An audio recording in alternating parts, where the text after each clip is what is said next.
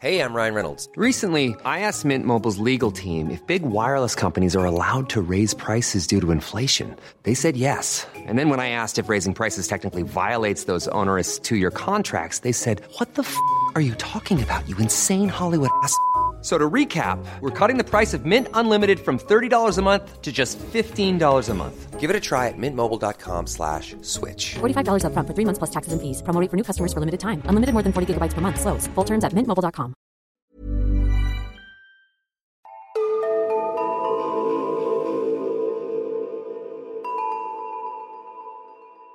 Hej och välkomna till Nära ögat, en true crime-podd för mesar. Mitt namn är Alexandra Kensdottir. Och jag heter Amelia Ingman. Vi vill börja med att tacka alla som har tipsat oss om olika fall.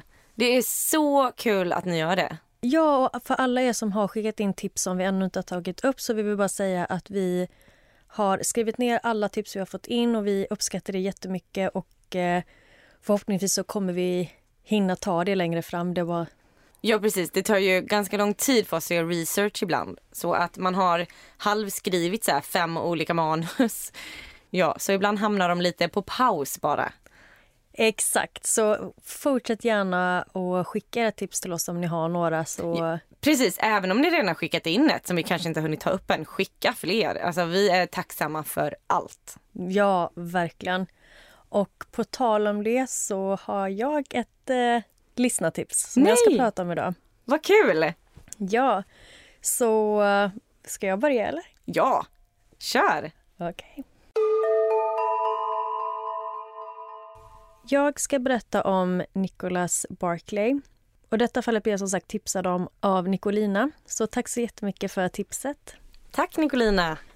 Mina källor är en artikel på Vocal Media som är skriven av Colleen Byrne, 60 minutes, Wikipedia och en dokumentärfilm som heter The Imposter som finns på Netflix och eh, Youtube. Så Nicholas Barkley han föddes den 31 december 1980 och är den yngsta av tre syskon.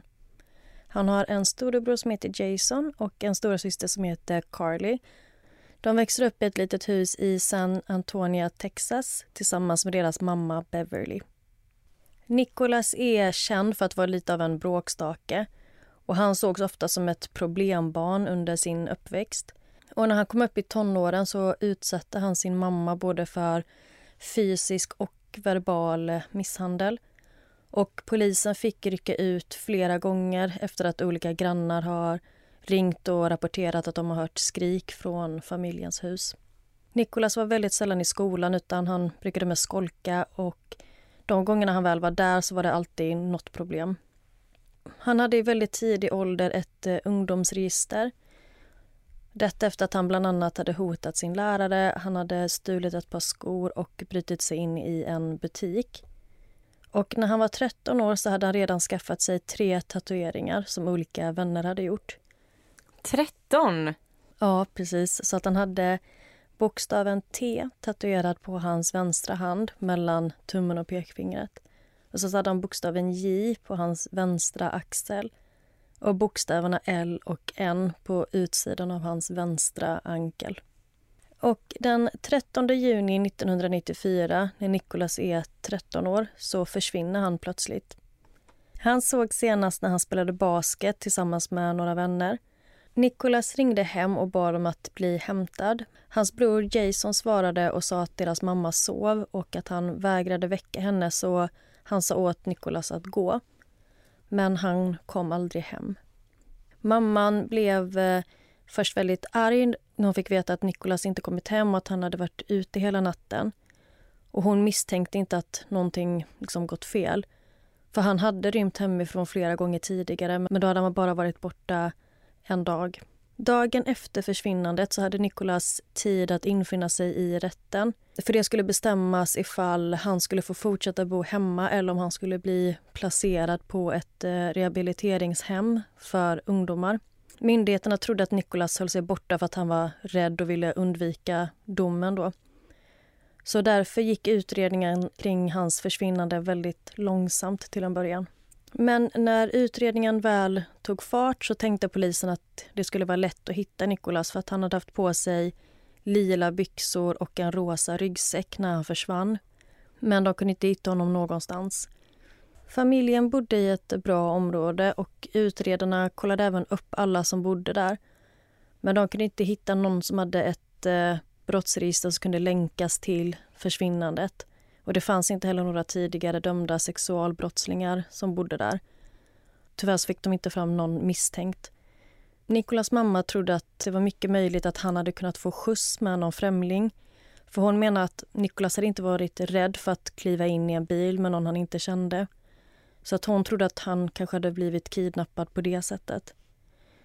Och cirka tre månader efter Nikolas försvinnande så får polisen ett samtal från Jason, storebrorsan. Och han berättar att Nikolas håller på att bryta sig in i deras garage. Men när polisen kommer dit så hittar de inga tecken på inbrottsförsök och de antar att Nikolas måste ha stuckit därifrån när han förstått att någon hade märkt honom. Jason var helt säker på att det var Nikolas han såg men polisen var inte lika övertygad.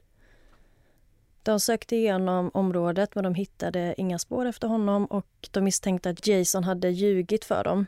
De visste inte varför, men de misstänkte det. Men, oh, vad konstigt. Varför skulle han bryta sig in i sitt eget hem om man säger? Ja, verkligen. Ja.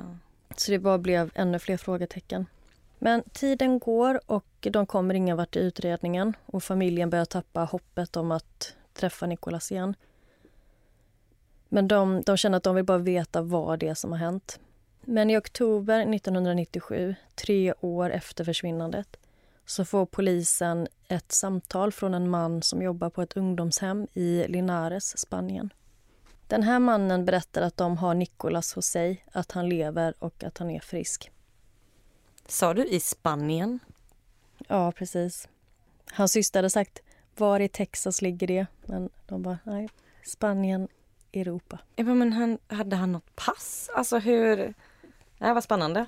Ja, så fort polisen eh, meddelar familjen om detta så hoppar hans syster på första plan till Spanien för att identifiera och hämta hem honom. Nicolas var väldigt chockad och nervös när hans syster kommer dit och han var orolig för att hon inte skulle känna igen honom och att han skulle tvingas stanna i Spanien. Men trots att han har keps och solglasögon på sig så identifierar Carrie honom som hennes lillebror. Alla undrar såklart hur Nicolas har hamnat i Spanien. Och Han förklarar att han har blivit kidnappad. Att en man hade hållit fast honom och hållit en trasa för munnen så att han hade svimmat av. Och Sen hade han flygits med ett militärplan till Spanien. Och Där ska han sedan ha tvingats in i en eh, sex trafficking-organisation som var ledd av högt uppsatta män inom den europeiska militären. Han ska ha utsatts för extrema övergrepp, experiment och tortyr. Och De ska ha tvingat honom att endast prata franska under de här tre åren vilket då har lett till att han har en ganska grov fransk brytning.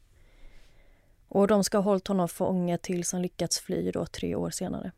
Polisen hade berättat för Carrie att Nicholas i stort sett hade tappat minnet från tiden innan kidnappningen. Så hon hade tagit med sig familjefoton som hon visade upp för honom och hoppades att det här skulle väcka hans minne tillbaka. Då. Och de satt tillsammans i över en timme och eh, det verkade som att det fungerade. Och Hans minne höll på att komma tillbaka och Nicholas frågade till och med om deras morfar fortfarande var en idiot. Så det tog Carrie som ett tecken på att han kom ihåg vilka de var. Trots att eh, Nicholas kunde känna till vissa saker så satt han mest tyst. Men Carrie var inte oroad över det utan hon tänkte att det måste vara på grund av allt trauma som han har utsatts för. Och Det sista steget innan Nicholas kunde få återvända hem det var att officiellt bekräfta hans identitet, att han verkligen var den han påstod sig vara.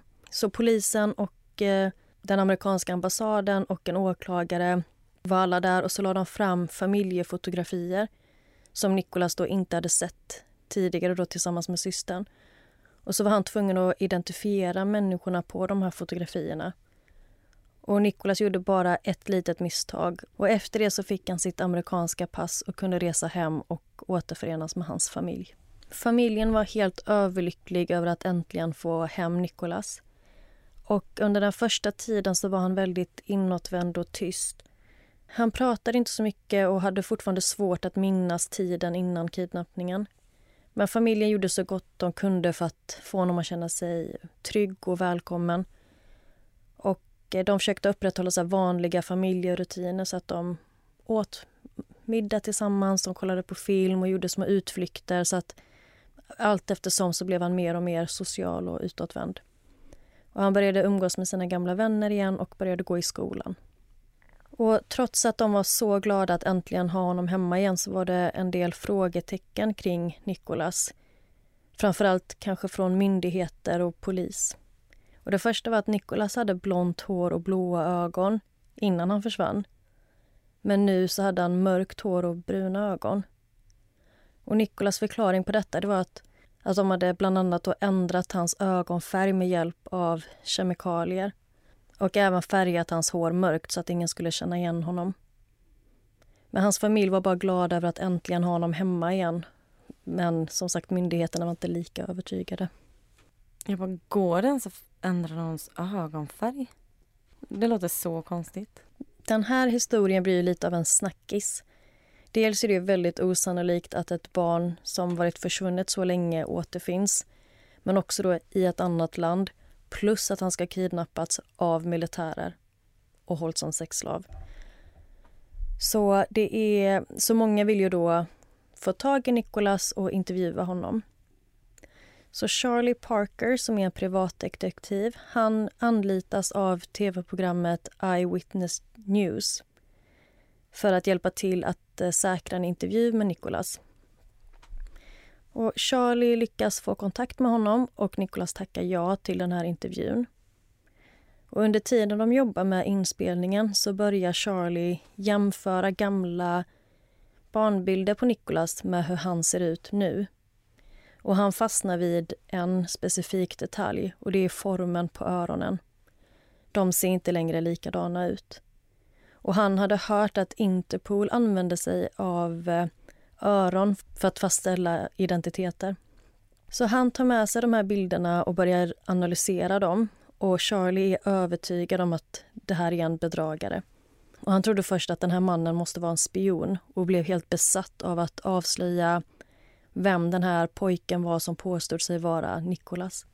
Charlie spenderade flera månader med att komma nära Nicholas och samlade under tiden in material som skulle kunna avslöja honom. Han intervjuade grannar och försökte ta reda på så mycket information som möjligt om både Nicolas och familjen. Och alla sa att Nicolas var problematisk och att han väldigt ofta kom hem sent på nätterna. Och Charlie började misstänka att saker och ting inte stod rätt till inom familjen heller. Och han började följa efter Nicolas. Och han satt även utanför deras hus och skrev ner registreringsnumret på de bilarna som besökte familjen. Charlie berättar att den här personen som påstod sig vara Nicholas skrämde honom. Han tyckte att han var väldigt kaxig och verkade väldigt obrydd och orädd över att eventuellt bli påkommen. Och Charlie säger att han var säker på att Nicholas visste att Charlie visste att han var en bedragare. Och Charlie var inte den enda som var misstänksam. Även FBI som hade varit inblandade med att bland annat då föra tillbaka Nicholas till USA och som även utfört intervjuer med honom då för att utreda vad det var som hade hänt. De misstänkte också då att något inte stod rätt till. Och de menade bland annat att brytningen var orimlig. Att har man vuxit upp i ett engelsktalande hem så kan man inte ha så grov fransk brytning efter bara tre år. Nej men alltså det var det jag tänkte med. För att alltså även om man pratar ett, om man lär sig ett nytt språk och pratar i tre år så pratar man ändå inte perfekt franska. Nej, alltså man, då bryter man fortfarande på engelska typ. Ja, och man förlorar ju inte sitt modersmål som man har haft i 13 Nej. år. Så FBI de ville ju då ta blodprover då för att säkerställa Nikolas identitet. Så då behövde de dels blod från honom men även från mamman. Men hon vägrade. När de kom dit för att hämta henne så la hon sig ner på golvet och gick inte med på att lämna några prover. Så FBI ser inte längre nu familjen som offer utan nu misstänker man att de döljer något. FBI ordnar en husrannsakan för att ta blodprov från Nicholas och mamman. Och de skickar tre agenter då som kommer till huset och hämtar dem. Och de tog även hand och fingeravtryck av Nicholas för att se ifall han fanns i Interpols register. Och under tiden man väntar på resultatet så var de ganska oroliga att Nicolas skulle fly eller försvinna. Då. Tre och en halv månad efter att Nicolas återvänt hem så lyckas Charlie äntligen få fram sanningen. Nicolas hade gått med på att träffa honom så de sågs på ett diner. Och Charlie säger till Nicolas att eh, han hade pratat med hans mamma och att hon var väldigt upprörd. Och då svarar Nicolas att hon är inte min mamma och du är den enda som vet om att hon inte är det. Charlie frågar vad han menar och Nicholas svarar att mitt namn är Fredrik Bourdain och jag är efterlyst av Interpol. Oj! Under tiden har FBI fått träff på fingeravtrycken. Och pojken som har kommit hem till familjen var i själva verket en vuxen man. Fredrik Pierre Bourdain är 23 år gammal fransk medborgare och en ökänd bedragare. Och Fredrik har haft upp till 500 olika identiteter. Han påminner ju lite om Z då, som vi pratade om för någon vecka sedan. Eller hur? Jag tänkte med det. Det är... De här bedragarna. Trots att man nu konstaterat att han är en bedragare så insisterar familjen på att det visst är Nicholas. Och de försöker även få honom att stanna och vara en del av deras familj. Polis och utredare tycker att detta är väldigt konstigt. Varför skulle de vilja ha en främling i deras hem? Och De tänker att det kanske bara är ett sätt för familjen att hantera att de har förlorat en son. Eller så kanske det beror på någonting annat. Och var är den riktiga Nicholas? Men Fredrik häktas och han berättar att när han stal Nikolas identitet så var han desperat. Han var som sagt 23 år gammal och han livnärde sig på att låtsas vara ett minderårigt gatubarn och på så sätt få hjälp. När Fredrik var liten så bodde han tillsammans med hans morföräldrar men han rymde hemifrån när han var väldigt ung. Som tonåring så, så bodde han flera år på gatan i Paris och han låtsades vara föräldralös och sökte ofta skydd på olika barnhem och och eh, bodde även hos flera olika fosterföräldrar runt om i Europa. Han säger att han bara levde för dagen och att han gjorde det han behövde för att överleva. Och han beskriver sig själv som en kameleont. Polisen hade hittat Fredrik ensam i en telefonkiosk och från första stund så hade Fredrik en eh, strategi Hela hans beteende och kroppsspråk var utstuderat och han liksom visste precis hur han skulle bete sig för att få dem att tro att han var ett barn. Han klädde sig i för stora och väldigt ungdomliga kläder. Och Han hade en keps som han hade dratt ner så man inte skulle se ögonen. Och Han var även väldigt medveten om kroppsspråket. Han låtsades ha nervösa reflexer när när polisen kom för nära som om att han var rädd för vuxna. Och Detta då för att få dem att tro att han kanske hade blivit utsatt för nåt och därmed då få skuldkänslor. Och så alltså pratade han även så lite som möjligt. Och bara genom hans utstrålning så fick han polisen att misstänka att han var ett barn och att något hade hänt honom. Och De frågade om han hade blivit utsatt för sexuella övergrepp men att han inte behövde svara på det. Så polisen tar med honom till stationen. Och om inte polisen kan ta reda på vem han är så kan de inte hålla honom och då blir de till slut tvungna att placera honom i ett ungdomshem. Och detta var Fredriks plan. Men de insisterade på att de ville ha hans personliga information och de sa att om inte han ger det till dem så kommer de ta hans fingeravtryck och fotografera honom. Och Fredrik kunde inte låta det hända han var tvungen att hitta en annan väg ut. Och Han menar att han hade två alternativ. Antingen hamna i fängelse, för han var redan efterlyst eller låtsas att han var någon annan. Fredrik sa att han var amerikan, att han hade rymt hemifrån och att han var villig att kontakta sin familj, men att han vill göra det själv. Han sa att han vill inte att hans familj ska bli kontaktad av spansk polis utan han, han ville vara den som ringde dem. Så han övertalar polisen att låta honom stanna på deras kontor över natten. på grund av tidsskillnaden och att han skulle ringa dem nästa dag. De går med på detta och när Fredrik är ensam på kontoret så börjar han ringa runt till olika polisstationer runt om i USA. Han visste att över telefonen så kunde han övertyga vem som helst om vad som helst. Och han var väldigt självsäker. Så när han ringde så presenterade han sig som spansk polis och berättade att de hade hittat en pojke som de var övertygade om var amerikansk men att de inte visste vem han var. Och att han förmodligen hade varit försvunnen i några år. En av de amerikanska poliserna som han pratade med sa att de hade flera hundratals försvunna barn och att de inte hade möjlighet att gå igenom alla med honom. Så istället så fick han kontaktuppgifter till en organisation för saknade och utsatta barn. Så han ringer dit och drar samma historia. Och när han beskriver det här upphittade barnet så beskriver han sig själv och gav bara detaljer som han visste att han skulle kunna hantera. Men han försökte vara så vag som möjligt i beskrivningen för att få så många alternativ som möjligt. Och till sist så hittar kvinnan på telefonen en pojke som har varit försvunnen sedan den 13 juni 1994 vid namn Nicholas Barkley. Fredrik ber dem att faxa en bild på Nicholas precis som vilken polis som helst skulle ha gjort om man försöker identifiera någon. Och Fredrik får en bild på Nicolas som är gammal och svartvit. Så den är inte supertydlig. Och i och med att han har varit försvunnen så länge så tänker Fredrik att det är klart att han kommer se annorlunda ut från vad han gör på det här fotografiet. Och om det finns förändring så finns det tvivel, menar han. Och hur skulle familjen kunna veta hur Nikolas ser ut idag? Så Fredrik ser sin chans och han bestämmer sig för att låtsas vara Nikolas. Och han säger till kvinnan på telefonen att det är den här pojken de har hittat.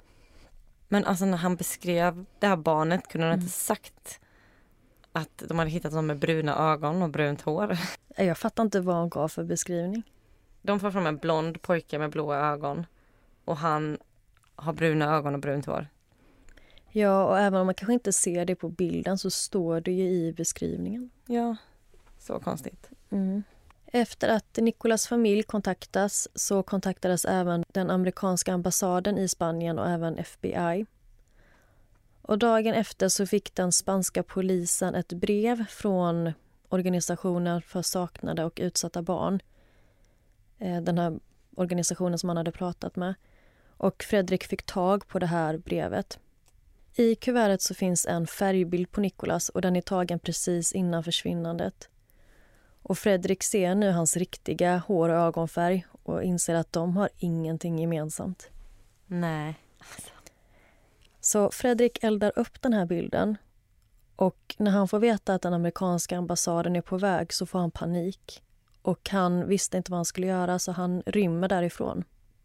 Men polisen börjar leta och de hittar strax honom och tar tillbaka honom till stationen. Och när Fredrik får höra att systern är på väg så får han bara ännu mer panik. Det finns ingen återvändo nu, tänker han. Så han gjorde det han kunde för att försöka se ut som Nikolas. Så han går och köper hårfärg och blonderar håret. Och på ungdomshemmet där han hölls i väntan på att bli hämtad så bodde det en tjej som hade en tatueringsmaskin så hon gav honom samma tatueringar som Nicholas hade. För den här informationen om tatueringarna stod på den här flyern han hade fått faxad. Och när han skulle träffa systern då satte han på sig solglasögon, keps, scarf och tänkte att om hon inte kan se honom så skulle hon inte kunna se att det inte var hennes bror. Och som vi vet så funkade det. Men jag fattar inte. Vad... Hon såg inte att det inte var han? Nej, de tänkte ju att de inte ville ut, att han hade varit utsatt för det här traumat. De ville inte vara för påstridiga eller liksom skrämma bort honom. Så att de tog hans ord för det. Men Fredrik var ju säker på att mamman skulle avslöja honom. För även om han hade haft tur med systern så skulle han aldrig ha sån här tur två gånger i rad. Men när han träffade henne så märkte inte hon heller något men han visste ju inte ens om Nikolas var höger eller vänsterhänt så hur skulle han kunna låtsas vara honom? Men när han möter upp mamman så kramar hon om honom och hon säger att hon har saknat honom. Men hon medger ändå att han har förändrats mycket. Och hon blev först chockad över hur annorlunda han såg ut men intalade sig själv att med tanke på allting han har gått igenom så är det klart att han kommer se annorlunda ut. Ja, alltså jag vet inte. Hoppet är väl det sista som lämnar en så man måste väl bara bli helt förblindad. Mm. Och det var liksom inte bara mamman och systern, det var även svåger och systerson och flera andra familjemedlemmar som välkomnade honom. Men vet man om någon tvekade i efterhand? Några var lite tveksamma. Men Fredrik övervägde inte en enda sekund att berätta för familjen vem han var. Och eh, han säger att i hans huvud så blev han Nikolas. Precis som alla andra gånger hade stulit identiteter. Han blev den personen. Och under tiden Fredrik satt häktad så säger han till polisen att mamman Beverly berättat för honom att Nikolas blivit mördad av hennes äldsta son Jason. Och Fredrik menar att det var därför de var så villiga att ta emot honom som deras son. Och att Fredrik är helt säker på att Nicholas är död och att familjen försöker täcka upp för det. Oj. Det hade i och för sig förklarat vissa grejer. Ja, Men det, va? Alltså det är ju inte orimlig teori. Och Fredrik tyckte det var lika konstigt som alla andra när familjen envisades med att han var Nikolas. Och även då efter det hade kommit fram att han var en bedragare. Men de var helt övertygade om att han var deras son och ingenting skulle få dem att tro något annat tills då det här kom ut att, han, att Fredrik hade sagt det här om dem. Då, då vände de. Men Fredrik menar att alla i familjen hade från första stund välkomnat honom förutom Nikolas bror Jason. Och Fredrik berättade att när han kom dit för att hälsa på honom så hade Jason bara tittat på honom och sagt lycka till och gått därifrån. Fredrik säger att han vet att de visste att han inte var Nikolas. De trodde inte på det han sa, men att de, de döljde det. Och han minns att när systern kom för att hämta honom i Spanien så hade hon berättat allt han behövde veta. Till exempel när de satt på bilden och han inte kände igen någon så pekade hon ut personerna åt honom och satt hela tiden och, och frågade kommer du ihåg, kommer du ihåg? Som att hon försökte liksom få honom att minnas allting hon sa. Och han säger att han tvekade inte en sekund på att hon visste att han inte var hennes bror men att hon hade bestämt sig för att han skulle vara det. Så polisens syn på familjen har nu skiftat från sörjande till misstänksam. Och de är säkra på att familjen vet mer än vad de säger. Och baserat på Fredriks anklagelser så öppnas en utredning mot familjen med Jason som huvudmisstänkt. Att han ska ha dödat Nicholas och, och att mamman ska ha hjälpt till att röja undan spåren.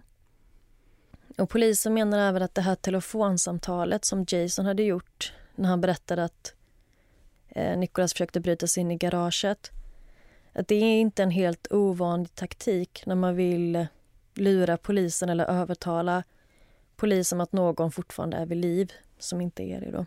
Men innan polisen kan göra några större genombrott i utredningen så hittas Jason död. Han har dött av en överdos och vissa tror att det kan ha varit självmord. Fallet börjar nu svalna. Nu finns inte den huvudmisstänkte längre och det finns inte heller tillräckligt med bevis för att väcka åtal mot familjen. Så mordutredningen av Nikolas försvinnande läggs ner i brist på bevis. Och Polisen misstänker såklart att någonting har hänt men än idag så vet man inte vad det var som hände med Nikolas. Och Charlie, den här privatdetektiven, han tror att Nikolas ligger begravd i trädgården. Och huset har idag nya ägare vars hund har markerat på ett specifikt ställe i tomten flera gånger. Så Charlie har till och med varit där och grävt, men utan att hitta något. Då. 1998 så dömdes Fredrik för identitetsstöld och mened till sex år i amerikanskt fängelse. I oktober 2003 så utvisades Fredrik till Frankrike. Och Tre månader senare så försökte han stjäla identiteten av en annan eh, försvunnen pojke vid namn Leo Boley. Och Fredrik fortsatte med identitetsstölder och åkte in och ut ur fängelse under några år innan han till sist slutade. Och idag bor han i Paris tillsammans med hans fru och deras tre barn. Och det var historien om Nicholas Barclay. Åh, vad spännande det var. Det är så många frågetecken kring den här historien och det är... Och det är såklart jättemånga detaljer som jag inte har liksom haft tid att ta med. Men kolla på The Imposter så får man ännu mer information från familjen. Men, men jag kan säga att den, den dokumentären är gjord ur Fredriks perspektiv. Så att den är lite vinklad på det sättet att man, man blir misstänksam mot familjen. Mm. Men eh, ja, man skulle verkligen vilja veta vad var det som hände.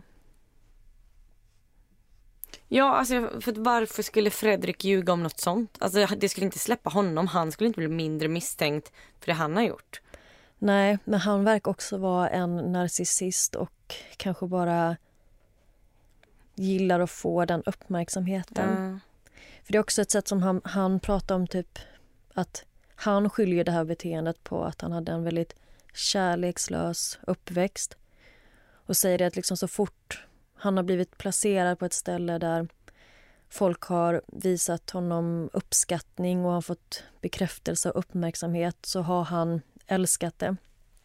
Och därför trivdes han också väldigt, väldigt bra tillsammans med familjen Barkley till en början för att han blev så eh, uppskattad. Och det kanske bara är ett sätt att hålla den känslan vid liv att, att polisen kanske då Ja. lyssnar på honom Ja. och han får det här utrymmet i dokumentären. Mm. inte. Men samtidigt, hur kan en hel familj inte känna igen sin son, sin bror, sin vän? För FBI har ju varit med hela vägen egentligen. De intervjuade ju dels Nicholas i, i början då när han kom tillbaka till USA och blev ganska snabbt misstänksamma att... Eller kanske inte, de kanske inte var misstänksamma från dag ett men att det liksom växte fram. Och det gick ändå så pass långt så att de varnade familjen, både mamman och systern, om att de trodde att det var en bedragare. Och berättade att systern Carrie, när hon fick det här beskedet via telefon så hade hon blivit väldigt, väldigt upprörd och brutit ihop. Men sen när FBI hade träffat familjen nästa gång så var det precis som att ingenting hade hänt. Mm. Och det tyckte de också var lite konstigt. Varför ignorerar de våra Ja. varningar? Och sen med så var det också jättekonstigt att inte mamman ville gå med på ett blodprov. ja. Men det är också så här, alltså om, om, låt säga då att brorsan mördade, vad heter han, Jason mördade Nicholas. Mm. Men sen också lite om Jason. Det var ju liksom, det var ju det att han, han var ju ganska mycket äldre. Och han hade ju flyttat hemifrån och sen kommit tillbaka hem till familjen på grund av att han hade drogproblem då. Och det fanns här familjevänner som menar på att efter han kom tillbaka hem så förändrades liksom familjedynamiken. Och att Nicholas och hans mamma som tidigare varit väldigt nära varandra, att de fick en väldigt problematisk relation. Och även att Jason fick mamman att börja missbruka. Eh, Men det är liksom inget bekräftat, det var bara sånt som dök upp i dokumentären. Mm. Jag är sjukt taggad på att se bilderna på de här pojkarna. Ja. Eller den här mannen och pojken. Okej, alltså här är... Här är bilden på 13-åriga Nicholas och Fredrik. Nej men alltså det här är ju... Det här är ingen pojke. Nej. Alltså man ser ju tydligt att det här inte är en 16-årig pojke. Nej, det tyckte ju Charlie, tror jag det var också, som sa i dokumentären att han hade ju full... Alltså, Han, är ju, Skägg. alltså han har ju Helskägg. skägg. ja exakt. Formen på hans näsa, formen på hans ögonbryn. Som du sa, formen på öronen. Alltså ingenting är ju likt. Nej, även ansiktsformen. Ja. Nicholas har ganska liksom nätt, lite så här eh, spetsig haka medan Fredrik har ganska mycket kantigare ansikte. Jag kan inte se någon likhet mellan dem. Förutom att båda är män typ. Så då är frågan, är det en, en desperat familj som är förblindad av lyckan att ta tillbaka sitt barn eller är det en desperat familj som vill täcka upp ett mord? Nej, gud vad spännande. Alltså den här bilden var ju sjuk. De är inte, de är inte lika. Nej, och du kan ju behålla det. Alltså även om jag verkligen skulle vilja så är de inte lika. Nej. Så tack igen Nicolina för tipset. Så spännande fall att uh, researcha också. Alltså det var mycket att gå igenom. Ryan Reynolds here from Mint Mobile. With the price of just about everything going up during inflation, we thought we'd bring our prices down. So to help us, we brought in a reverse auctioneer, which is apparently a thing. Mint Mobile unlimited premium wireless. Ready to get 30, 30, bit to get 30, bit to get 20, 20, 20, bit to get 20, 20, bit to get 15, 15, 15, 15 just 15 bucks a month. So, Give it a try at mintmobile.com slash switch. $45 upfront for three months plus taxes and fees. Promo rate for new customers for limited time. Unlimited more than 40 gigabytes per month. Slows. Full terms at mintmobile.com. I'm Sandra, and I'm just the professional your small business was looking for. But you didn't hire me because you didn't use LinkedIn jobs. LinkedIn has professionals you can't find anywhere else, including those who aren't actively looking for a new job but might be open to the perfect role, like me. In a given month, over 70% of LinkedIn users don't visit other leading job sites. So if you're not looking on LinkedIn, you'll miss out on great candidates like Sandra. Start hiring professionals like a professional. Post your free job on linkedin.com/people slash people today.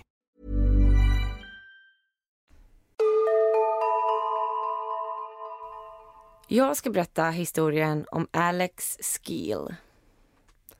Känner du igen namnet? Nej, det gör jag inte. Nej. Eh, mina främsta källor är en dokumentärfilm som jag kommer avslöja namnet på i slutet som vanligt. Och en artikel från The Sun och Wikipedia. Alex föddes 17 augusti 1995 i Bedford, England. Han och hans tvillingbror var för tidigt födda. Och Alex var väldigt, väldigt liten när han föddes. Han vägde bara 900 gram. Oj. Och det var ju väldigt nära att han inte skulle överleva. Och han fick genomgå flera operationer för att klara sig. Och hans mamma Geraldine, som kallas för Jed, och jag kommer kalla henne för Jed framöver. Eh, hon berättade att i och med att Alex alltid var så liten, hon var alltid lite extra orolig för honom jämfört med hans bröder. Hans tvillingbror var inte lika liten, eller? Jag vet inte hur liten han var, men jag tror att Alex var liksom mycket mindre. Men utöver detta så hade han en ganska normal uppväxt. Han eh, älskade att spela fotboll. Och det var väl egentligen det mest han brydde sig om. Han ville hänga med sina polare och spela fotboll. Eh, han var inte så mycket för att så här, prata med tjejer eller så. Eh, utan han fokuserade ja, men mer på att så här, leka med sina kompisar. Och 2011 när Alex var 16 år gammal så gick han och kollade på ett uppträdande som hans kompis var med i. Och där träffade han jämnåriga tjejen Jordan Worth som också var där för att se sin vän uppträda. De två började prata och hon visade väldigt mycket intresse i honom. Vilket inte han hade upplevt innan, att tjejer var intresserade. Så han tyckte det var väldigt kul att någon såg honom och han tyckte att hon var väldigt trevlig och gullig. Så att de började umgås mer och mer och blev till slut ett par. Och Alex vän Jordan Parker, som jag kommer att kalla för Parker, han berättar om en helg när Alex föräldrar var bortresta och de hade fest hemma hos dem. Och alla hade liksom drack och hade kul och de hade stått på deras terrass och sjungit Bastille-låtar. Och Bastille var ju då deras absoluta favoritband. Eh, och där var det första gången som Parker träffade Alex nya tjej Jordan. Och han tyckte att hon var supergullig, jättetrevlig. Alltså, lite tyst men liksom hur härlig som helst och att de passade ihop. Alex andra kompis Charlie, eh, som är en tjej, berättar att, eh, ja, men att alla kom bra överens och att ja, men Jordan var lite tyst och tillbakadragen men hon var väldigt trevlig och alla tyckte om henne och alla tyckte det var kul att Alex hade fått en tjej. Jed, Alex mamma, eh, berättade att Jordan var superhärlig och att det märktes att hon verkligen tyckte om eh, Alex. Men hon hade lite så underliga grejer för sig. Alex familj var väldigt nära varandra Och Jordan hade lite svårt att förstå det. Hon kunde ställa frågor som varför sitter ni alla runt bordet och äter middag tillsammans? För hon har liksom aldrig upplevt det. Och jag kunde inte hitta jättemycket om hennes bakgrund. Men jag vet att hon inte bodde med sina biologiska föräldrar utan hos fosterföräldrar. Och under deras förhållande så började Jordans beteende sakta att ändras. Hon kunde uttrycka sig ja, men, lite negativt och lite så konstigt om vissa grejer. Och hon ville liksom att Alex skulle ändra på saker. Hon tyckte exempelvis inte om färgen grå och därför fick inte Alex ha grått på sig. Och um, någon gång så var det att hon inte tyckte om att han hade håret på ett visst sätt utan att han borde ändra och ha det åt andra hållet. Eller så kunde det vara att hans skor var fel och sådär. Och alltså Alex var inte så ytlig så han, alltså, och det var inte så att han brann för att ha grått på sig.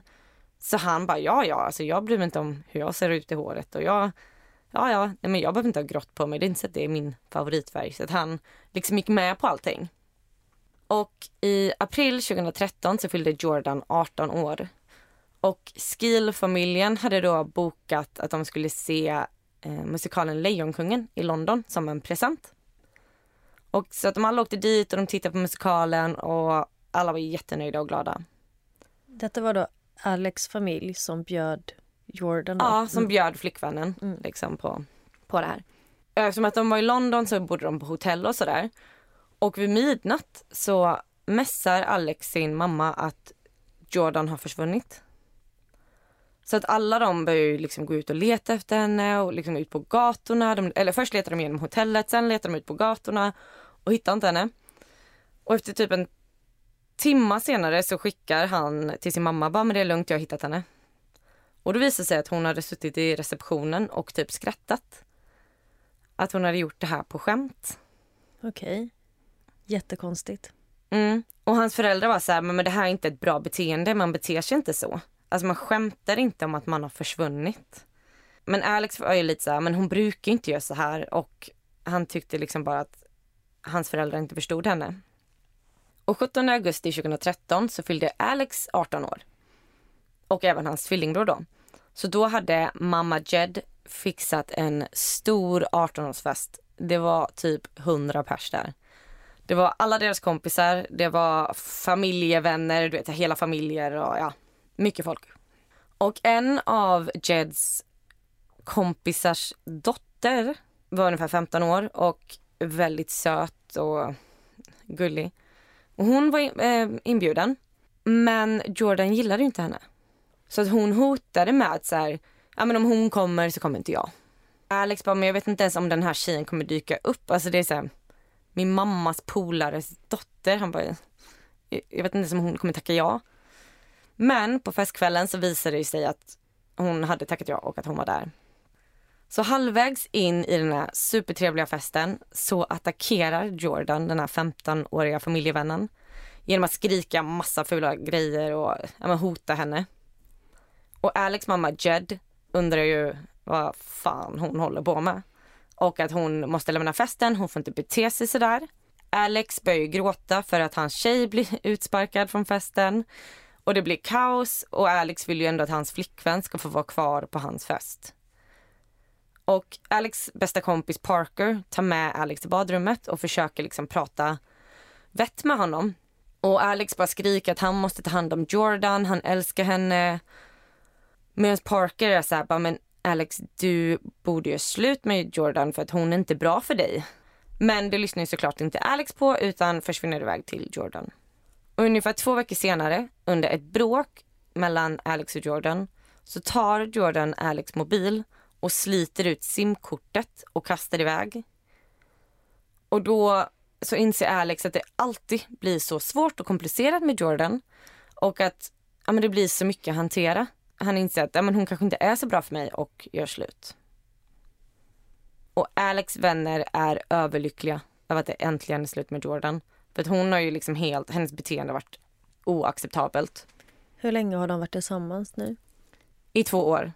Och efter ett tag så kommer Jordan hem till Alex och hans familj. och säger att hon är gravid.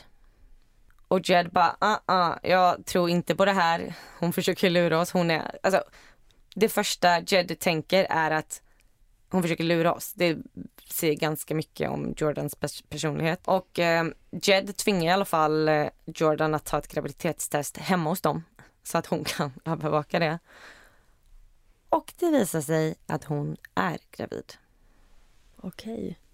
Gud vad hemskt att inte bli trodd då. Och Jed säger till Alex att så här, du behöver inte vara tillsammans med henne men du behöver ändå finnas där för barnet. Eh, men just då så var Alex här, han kunde inte vara tillsammans med henne, han ville inte ha någonting med henne att göra men han kan betala underhåll. Eh, så hon försvann ur hans liv i typ ett år. Och under den tiden så födde hon deras son Thomas J som kallas för TJ. Och han föddes 19 maj 2014. Några månader efter det så fick Jed ett sms. Är du redo att träffa ditt barnbarn? Och Jed ville ju ändå träffa sitt barnbarn. Så hon svarade Jordan att hon kunde komma hem till dem. Och när Jed träffar lilla TJ så blir hon så berörd. För TJ ser precis ut som Alex gjorde när han var liten. Hon vill ändå vara farmor till det här barnet. Hon vill ändå ha någon slags relation till det. Så hon berättar för Alex att hon har träffat Jordan och barnet. Och Alex blir ju superarg för han vill inte ha någonting med henne att göra. Men han vill ändå träffa barnet, TJ. Så att Jed ordnar så att han kan åka och träffa barnet utan att behöva träffa Jordan. Och han tog med sig sin morfar, vilket var hans bästa vän. Så de två åkte tillsammans och träffade TJ. Och han blev ju helt fast och ville ju verkligen fortsätta ha en relation till sin son. Och i och med att han ville ha en relation till sonen så blev han ändå tvungen att träffa Jordan då och då. Och det dröjde inte länge innan Jordan och Alex var ett par igen och att Jordan flyttade in till Skil-familjen. Men hon kändes ändå förändrad nu. Hon verkade ha mognat, hon har ändå blivit mamma. Det kanske inte kommer vara samma sak igen. Och första februari 2015 blev de ett officiellt par på Facebook igen. Och då vet man att då är det legit. och de var ju en liten lycklig familj. I alla fall för en stund. En dag i maj 2015 var de ute och körde bil. Då ser de den här 15-åriga tjejen som Jordan hade, som Jordan hade attackerat på festen. Och de stannar bilen och börjar skrika massa skit efter henne. Och tjejens mamma blir ju jätteupprörd och ringer till Jed. Och Jed konfronterar ju Alex och Jordan och undrar vad de håller på med, att det här inte är okej. Okay. Och hon förstår ju att det här är Jordan som står bakom. Det här blir liksom ett stort bråk och det slutar med att Jordan packar ihop sina grejer och barnets grejer och eh, ger Alex ett ultimatum. Antingen hänger du med mig eller så får du aldrig träffa TJ igen. Och Alex vill ju såklart träffa sin son. Så att han valde att flytta med Jordan. Och de flyttade till Jordans fosterföräldrar. Och efter det så träffade han inte sin familj på två år. Och Alex kände ändå att han var ganska lycklig i början. Han fick vara med sin son, alltså de var liksom fortfarande en liten bebisbubbla. Men det dröjde inte länge innan Jordans beteende började eskalera. Hon började anklaga honom alltså ständigt, dagar ut och dagar in, om att han hade varit med andra tjejer när de, alltså medan hon hade varit gravid. Och liksom hon ställde hela tiden massa frågor om de här tjejerna. Har du träffat henne? Har du träffat henne? Och hon var som besatt. Hon skaffade en ny telefon till honom så att han fick ett nytt telefonnummer så att hans kompisar och familj inte skulle ha hans nummer.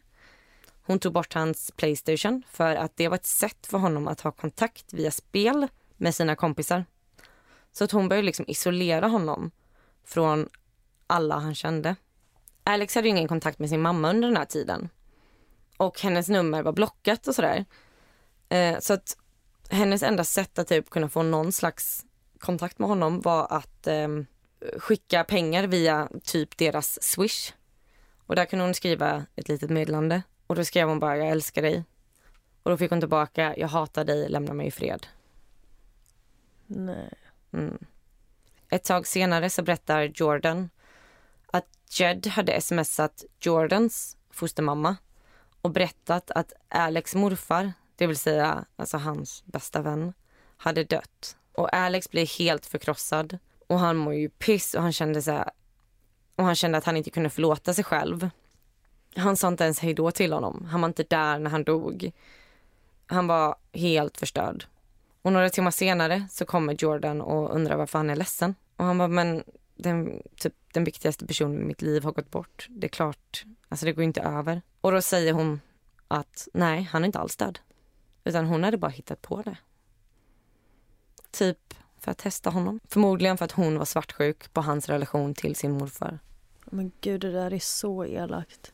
Ja, men, alltså de här testen, de här lekarna för att liksom se om du älskar mig. Ja, Det är så läskigt.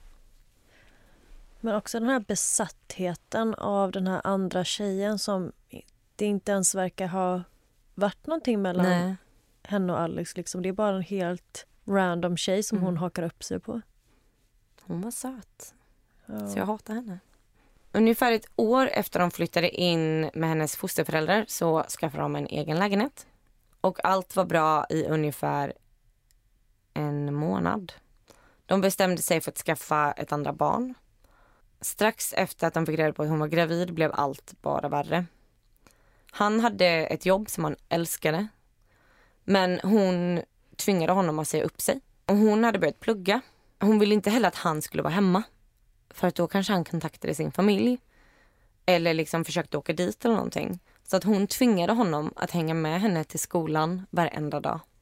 Jättekonstigt. Mm. Varför var han tvungen att sluta jobba? Och hur skulle de betala för hyran då? Vet inte. Alltså han var tvungen att sluta jobba för att han typ var lyck- alltså han trivdes på sitt jobb. Så att han var liksom för glad där. Mm. Han skulle bara vara glad när han var med henne. Precis. Och Alex vänner berättade ju att det var som att Alex bara gått upp i rök. Han var ett spöke. Det gick inte att få tag på honom. Och Parker berättade att han inte längre kunde lyssna på deras band Bastille på grund av alla minnen. Och att en gång så hade Bastille börjat spelas på ett dansgolv när han var ute och han hade bara ställt sig mitt på dansgolvet och börjat gråta.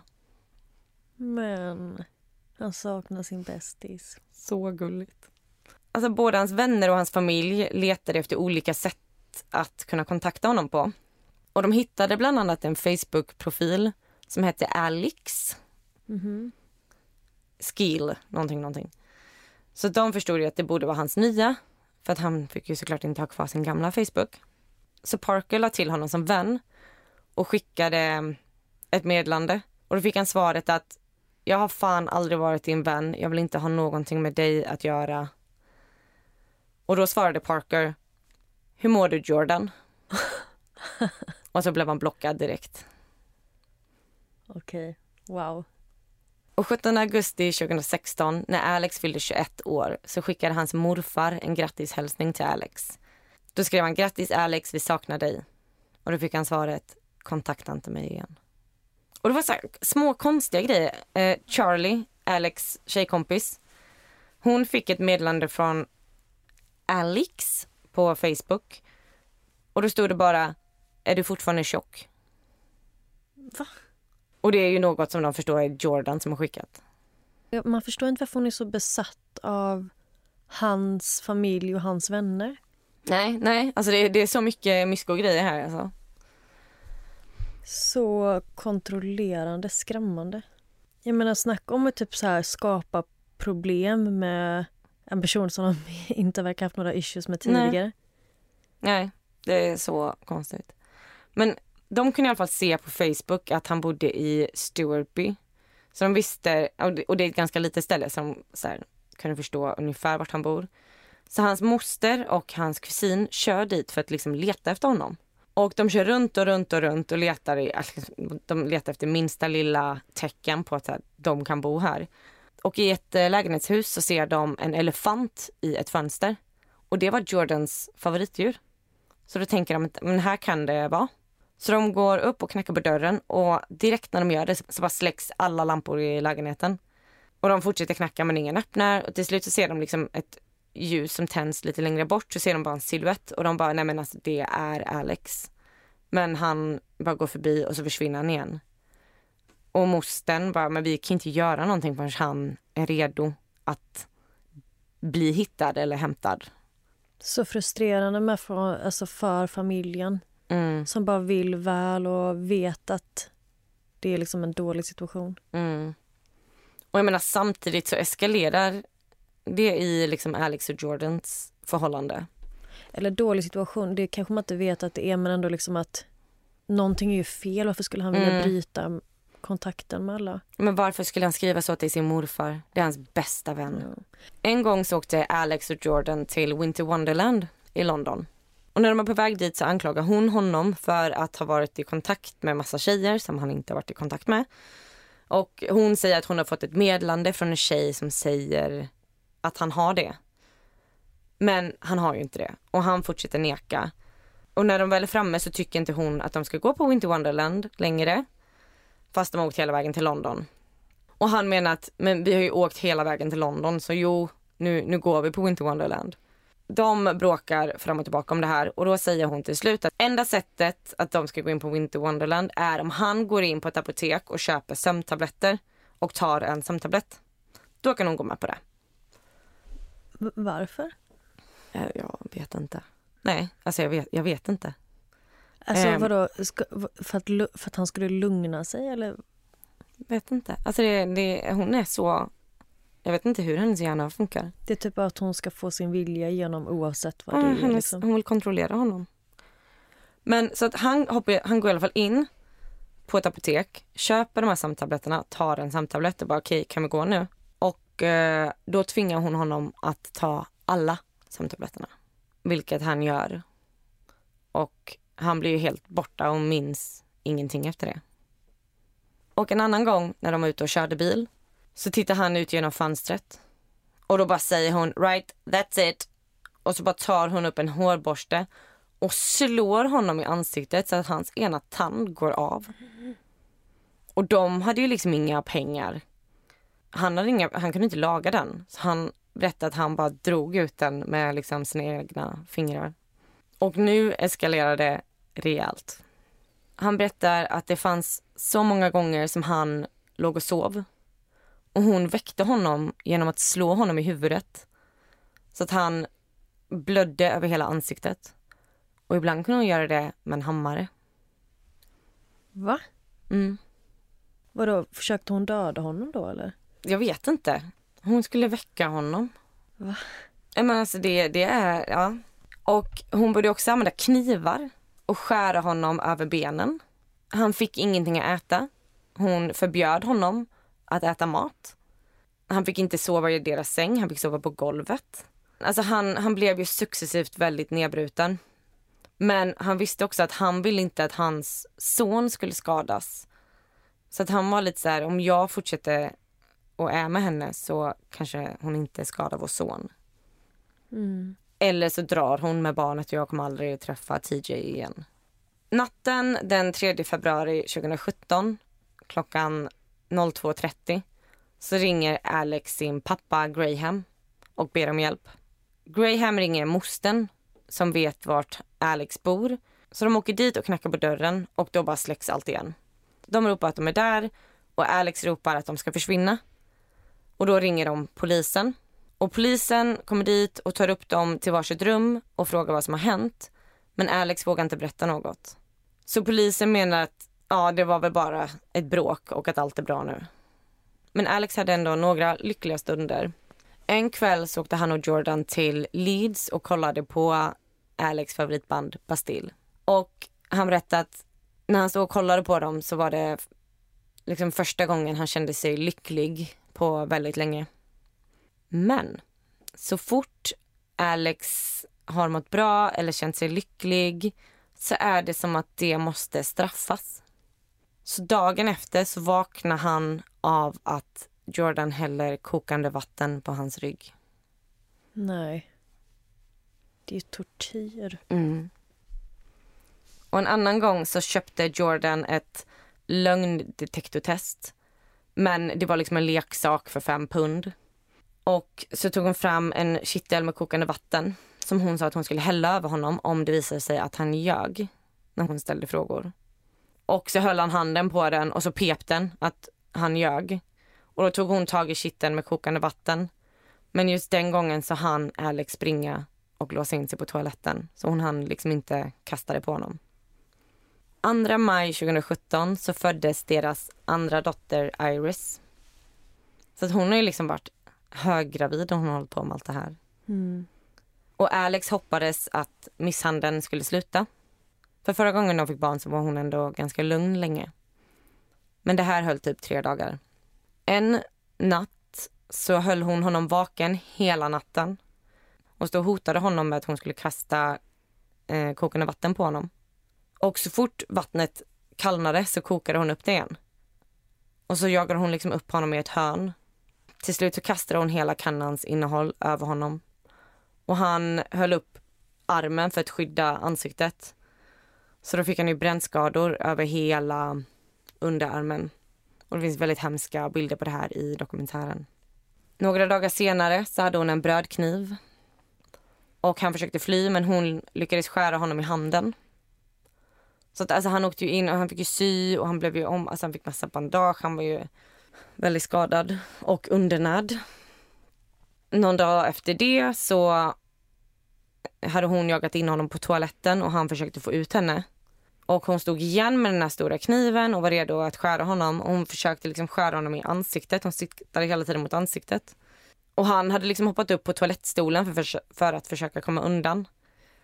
Och till slut så bara hugger hon mot honom och han lyckas igen då få upp armen som skydd. Och det slutar med att hon hugger honom i handleden. Så det börjar ju blöda extremt mycket.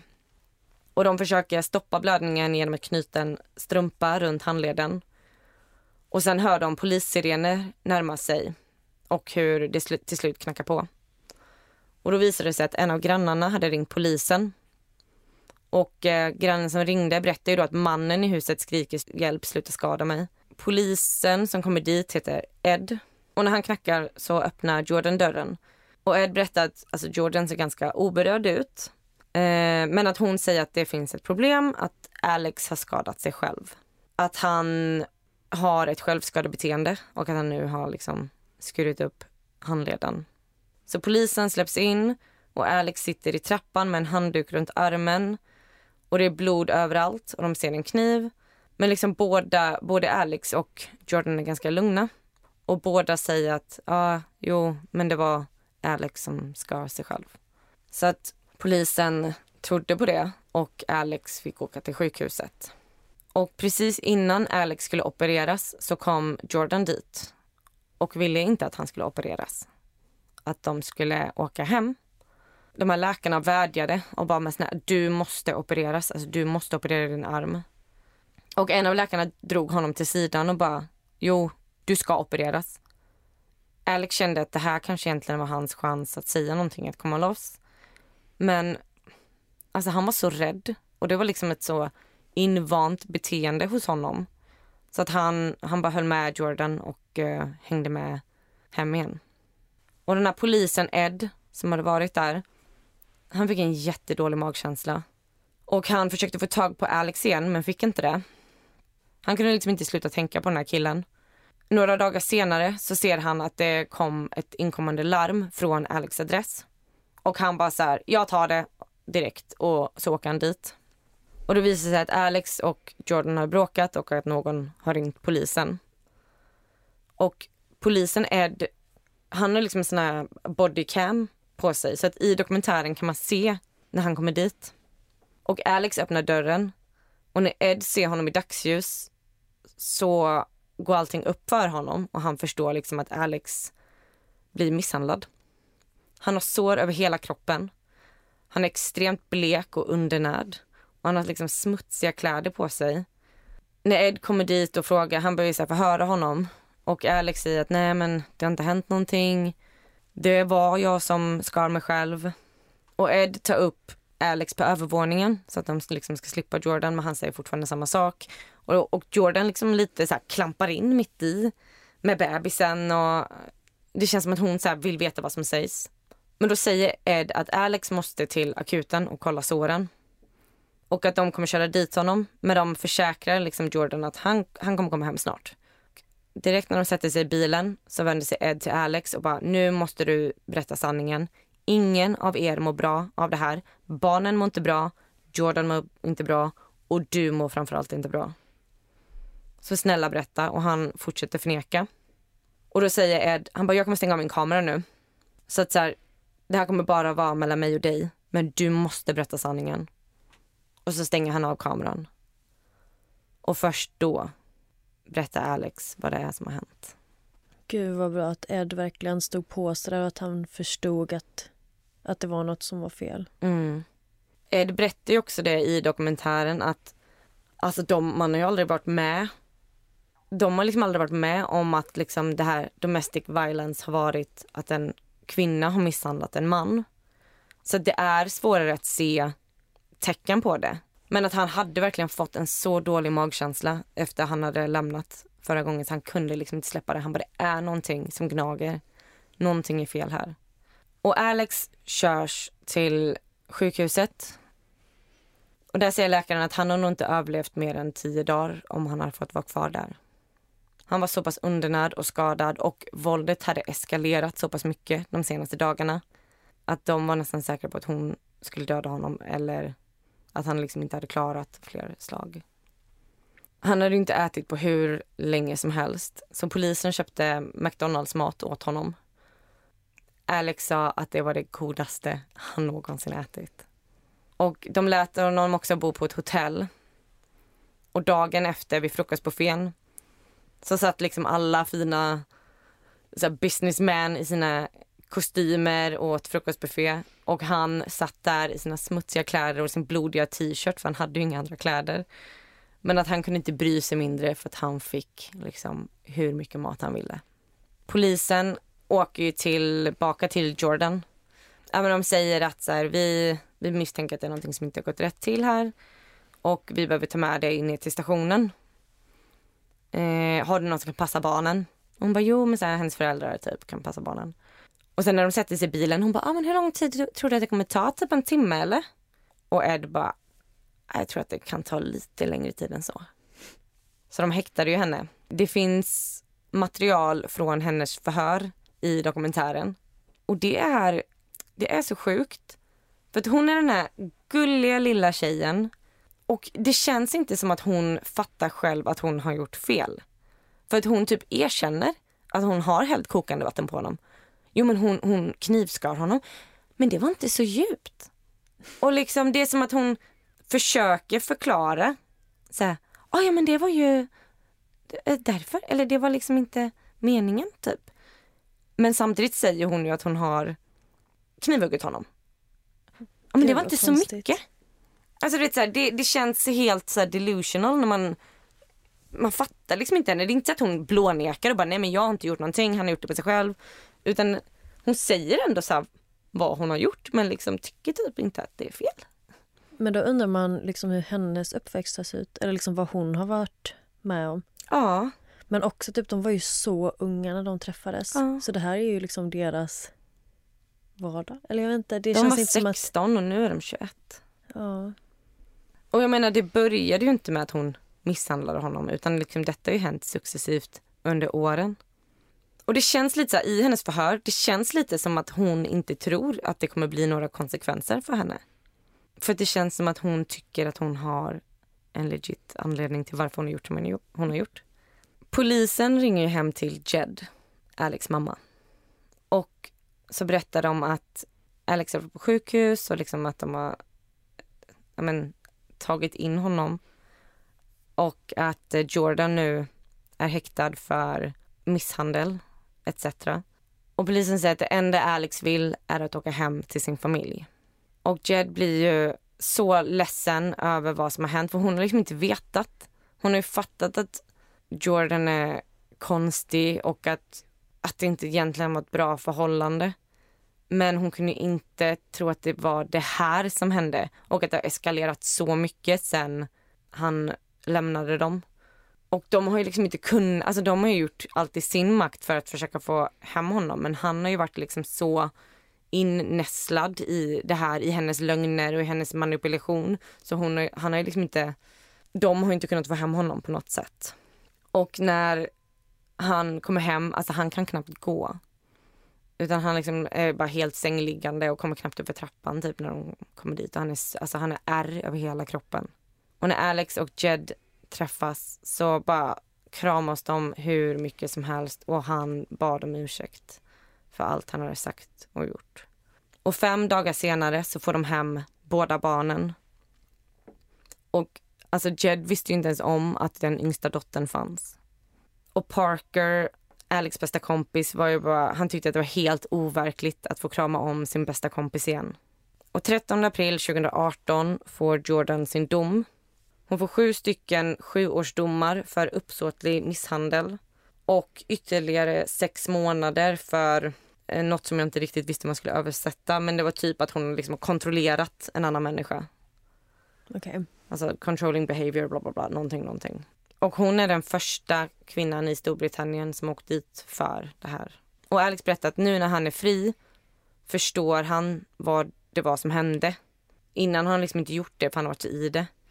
Och nu så håller han föreläsningar för myndigheter för hur man ska se tecken på misshandel inom hemmet om det gäller män som blir misshandlade. Och i slutet av dokumentären så ser man honom tatuera över sin Jordan-tatuering. Det var liksom ett sista tecken på frihet. Och han berättar att han har så mycket stöd och så mycket kärlek från sin familj och sina vänner. Och att han ser ljust på framtiden som ensamstående tvåbarnspappa. Och dokumentären heter Abused by my girlfriend. Och det var historien om Alex Gill. Så sjuk historia. Mm. Som du säger, det är inte ofta man hör det här perspektivet av våld i hemmet. Men så skönt att han klarar sig och att barnen var oskadda. Mm. Jag tror att det är många som förminskar den typen av våld när det är kvinnan som liksom är aggressiv mot mannen eller kontrollerande och att det kan finnas mycket så skuld och skam i att liksom erkänna det. Att det är ett riktigt problem. Alltså de förklarade i dokumentären att det är som att, att allting är liksom ett test för henne. Om jag kan slå dig en gång och du fortfarande är kvar, ja men då älskar du mig. Om jag kan hälla vatten, alltså kokande vatten på dig och du är kvar, ja men då älskar du mig. Om jag kan knivhugga dig och du fortfarande är kvar, ja men då har du bevisat att du älskar mig. Och så liksom eskalerar det för att hon måste ju hela tiden ha större bevis på att han äl faktiskt älskar henne. Ja, och det började med att bara kontrollera vad han hade på sig och hur han hade sitt hår. Liksom. Mm. Vilket egentligen inte är jättestora grejer. Nej. Och när hon sen säger att hans morfar har dött bara för att så här, se hur han skulle reagera.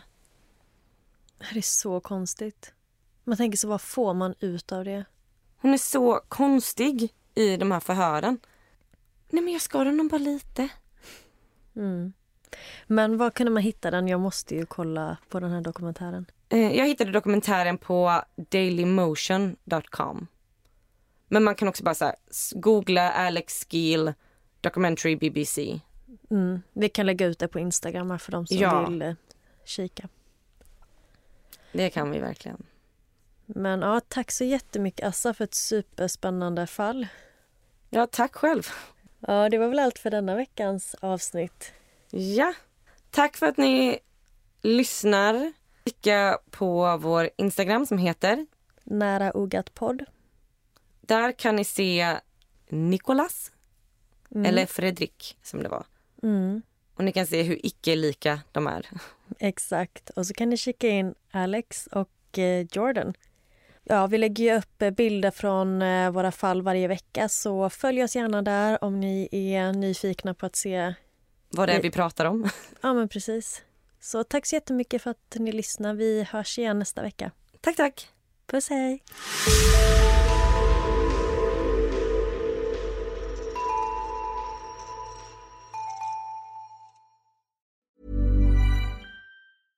Hey, it's Paige DeSorbo from Giggly Squad. High quality fashion without the price tag. Say hello to Quince.